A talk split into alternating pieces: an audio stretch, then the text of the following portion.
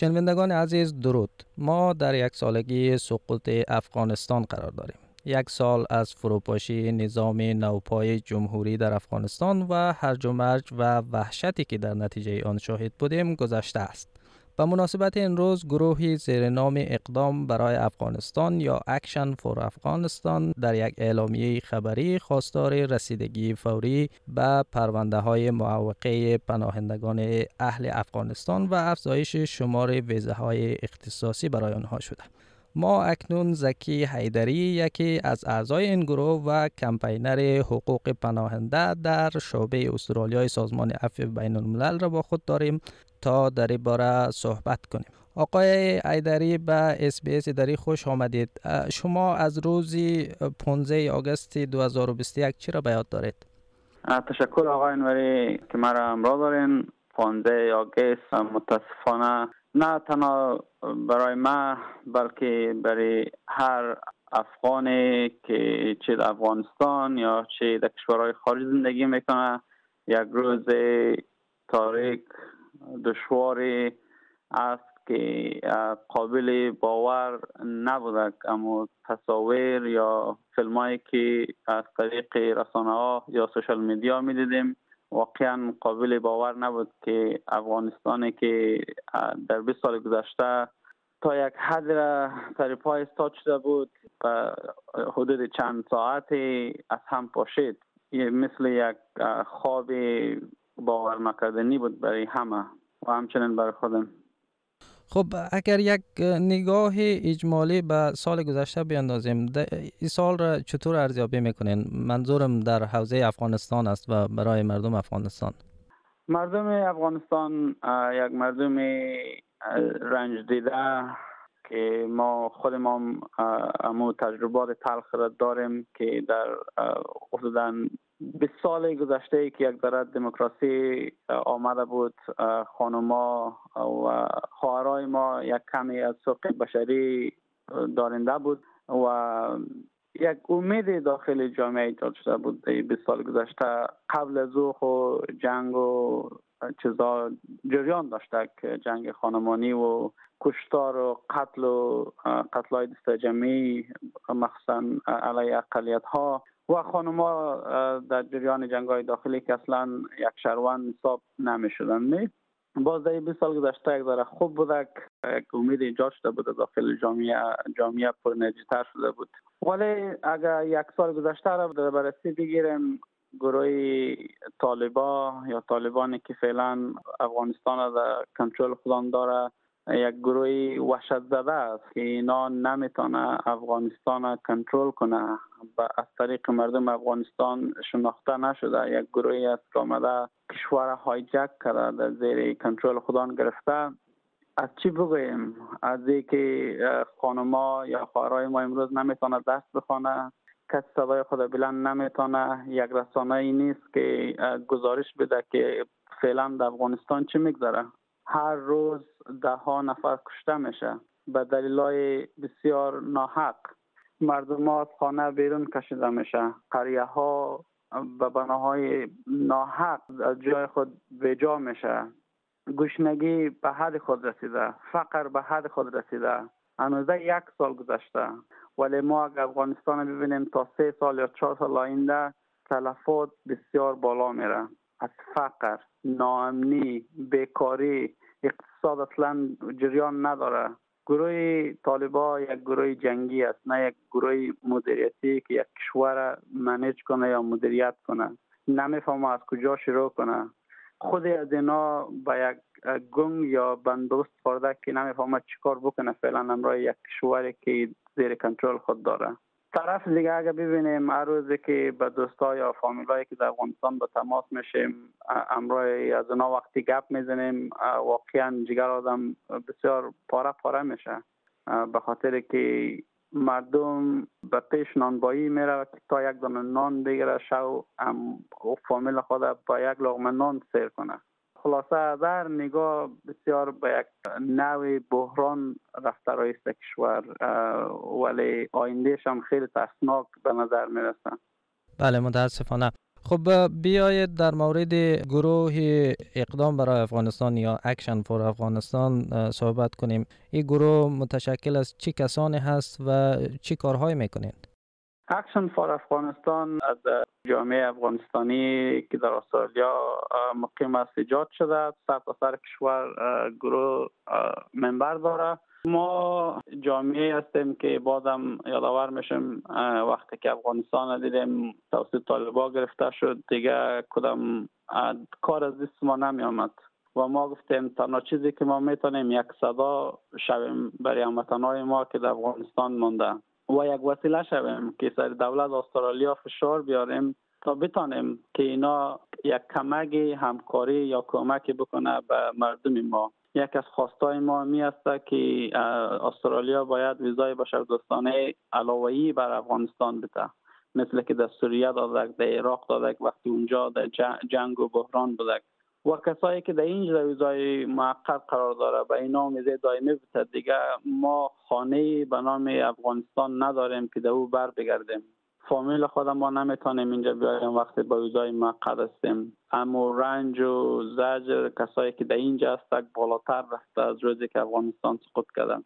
و دیگه ای که ما می‌خوایم از دولت استرالیا تا بتانه یک مقدار کمک به افغانستان روان کنه. مخصوصا در قسمت تحصیلات دخترها و از, دولت استرالیا می‌خوایم فشار بیارد به طالبا تا اونا هم حقوق خانما را مراعات کنه و باند که دخترها تا به تحصیل خود ادامه بده خب عمل کرده حکومت استرالیا را چه حکومت پیشین و چه حکومت فعلی را تا اکنون چگونه ارزیابی می‌کنین؟ با او طوری که ما دوست داشتیم پیش نرفته ولی تنها برده که ما داشتیم امرای دولت قبلی اونا اعلان کردند که 16500 ویزای به علاوه ویزای بشردوستانه که اینا داره در سال 13750 دانه است. در چهار سال آینده اینا 16500 ویزا به ماجرین افغانی میده. ولی ما امیدوار هستیم که دولت جدید لیبر بتانه امور به 20 هزار برسانه. و نه که به چهار سال هر چیز زودتر. به خاطر که خیلی کسایی که در افغانستان فعال بودن فعالین حقوق بشر یا کسایی که به دولت کار می‌کردن یا به نظام بودن اونا را هر چی عاجلتر بتانه بیاره در امن و safety. و کسایی که مثل گروه ethnic minority هستند مثل هزاره ها یا سیک کسایی که در خطر قتل عام فعلا وجود دارند. اونام باید دمی لیست برابر شوه و بیاید استرالیا. امیدوار هستیم که Labor اقدام کنه چون دولت قبلی اعلان کرده بود ولی کار عملی زیاد انجام نداده بود. دولت جدید هم نوسته ولی ما باید فشار یک جامعه که در اینجا زندگی می‌کنه فشار ما باید دو برابر باشه سر دولت تا اینا بتانه عمل انجام بده نه فقط یک اعلامیه بده.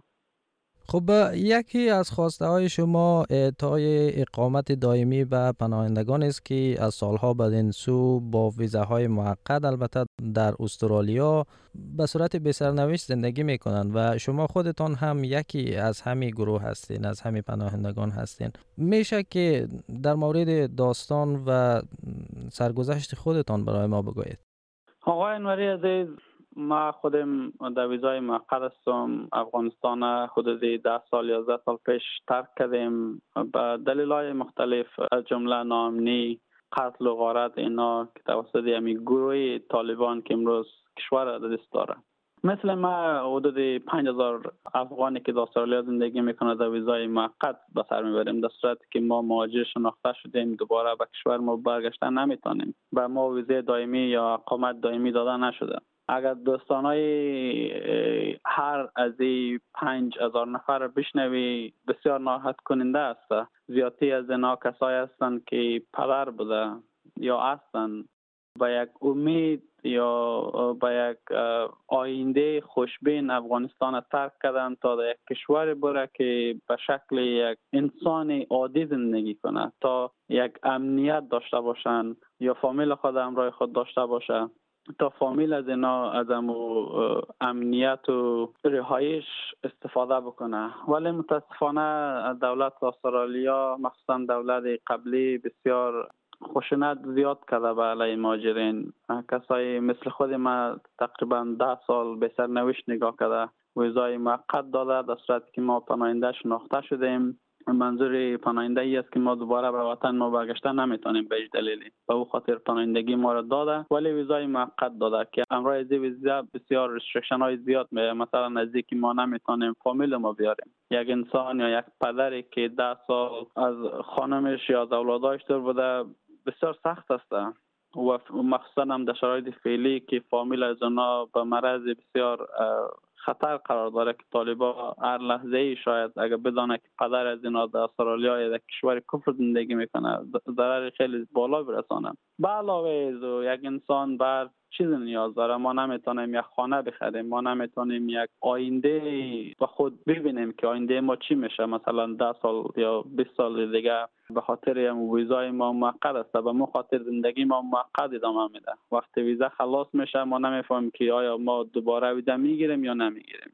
همون رقم مثلا کسایی هست که کار دائمی گرفته نمی‌تونه به خاطر استرالیا شکشن زیاد است یا هر جایی که می‌خوای کار بکنی میگه ویزیت چی هستنی و امو رقم مثلا خودمون نمی‌تونیم یک کاری که بزرگتر بخوایم انجام بدیم انجام دادن نمی‌تونم. خیلی از دوستایی که در ویزای موقت است خیلی بزنس یا تجارت های خوب داره. می‌خوای رشد بتم و کاروبار خود از از بانک قرضه بگیره بزنس خود کلانتر بسازه. ولی به خاطر ویزایی که ما داریم بانک قرضه نمیته خلاصه قواعد خیلی زیاد به ویزای موقت است کسایی که مثل ما ده سال از فامیل دور بوده از وطن دور بوده یک آینده مشخص نداره خیلی دیپرس شده به مشکلات های روانی گرفتار شده.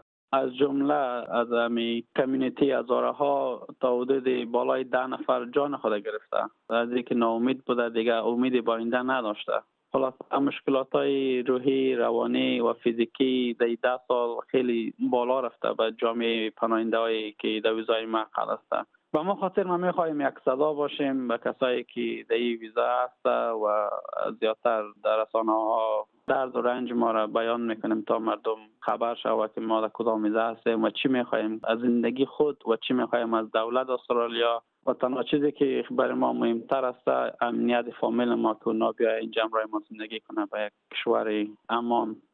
حزب کارگر قبل از انتخابات وعده داده بود که به شما ویزای دائمی میته و بعد از انتخابات هم تاکید کرده که به این وعده خود عمل می‌کنه منتها این زمانگیر است. به نظرتان حکومت کارگر فعلا چی کار می‌کنه؟ آیا امیدی هست که مثلا در یک سال آینده کل کسایی که ویزای موقت دارن ویزای دائمی بگیرن؟ ما چندین بار کمرای خود وزیر ایمیگریشن نشست داشتیم. یکی از کمیتمنت اینا می بوده که ما ویزا را دائمی می سازیم. وقت گیر رفته و چند دلیلی که اونا ذکر کرده می‌خواین بر کلگی ویزه دائمی بته ولی ما همیشه فشاری مایی بوده که برای ما یک وقت مشخص بتین آیا امسال دیگه سال چند ماه یا چند سال وقت می‌کشه. متاسفانه برای ما یک time frame یا یک وقت مشخص نداده. ذکرشان همیشه همی بوده که ما همی کار انجام میتیم و یکی از اولیات ما قرار داره و سر ای کار پیش میره ولی برای شما وقت یا time مشخص نمیتیم بازم امی حدودا دو ماه یا سه ماه که دولت سر قدرت آمده دولت Labor اول که اینا سر انتخاب شدن یک امیدی در جامعه ایجاد شده بود که Labor وعده داده بود که ویزای موقت از بین می‌بره بر کل ویزای دائمی میته حالی که می‌بینیم امو اکشن یا عملی از دولت ایجاد نشده امو امیدی که داخل جامعه ایجاد شده بود از بین رفته راهیس مهاجرینی که در ویزای موقت است. بازم فکر می‌کنه که دولت Labor مثل دولت قبلی است. فقط حرف می‌زنه عمل نداره. خلاصه خواهش ما از هر جامعه یا فعال حقوق ماجرین ارگنایزیشن هایی که در بخش سهم داره خواهش ما می است که در دولت تا حدی که امکان داره فشار بیاره تا به این زجر و درد و زندگی موقتی پایان بده. دولت فعلی. بسیار خوب. آقای زکی حیدری یک جهان تشکر از اینکه وقت گذاشتید که با ما صحبت کنید و موفق باشید. تشکر تشکر از همکار شما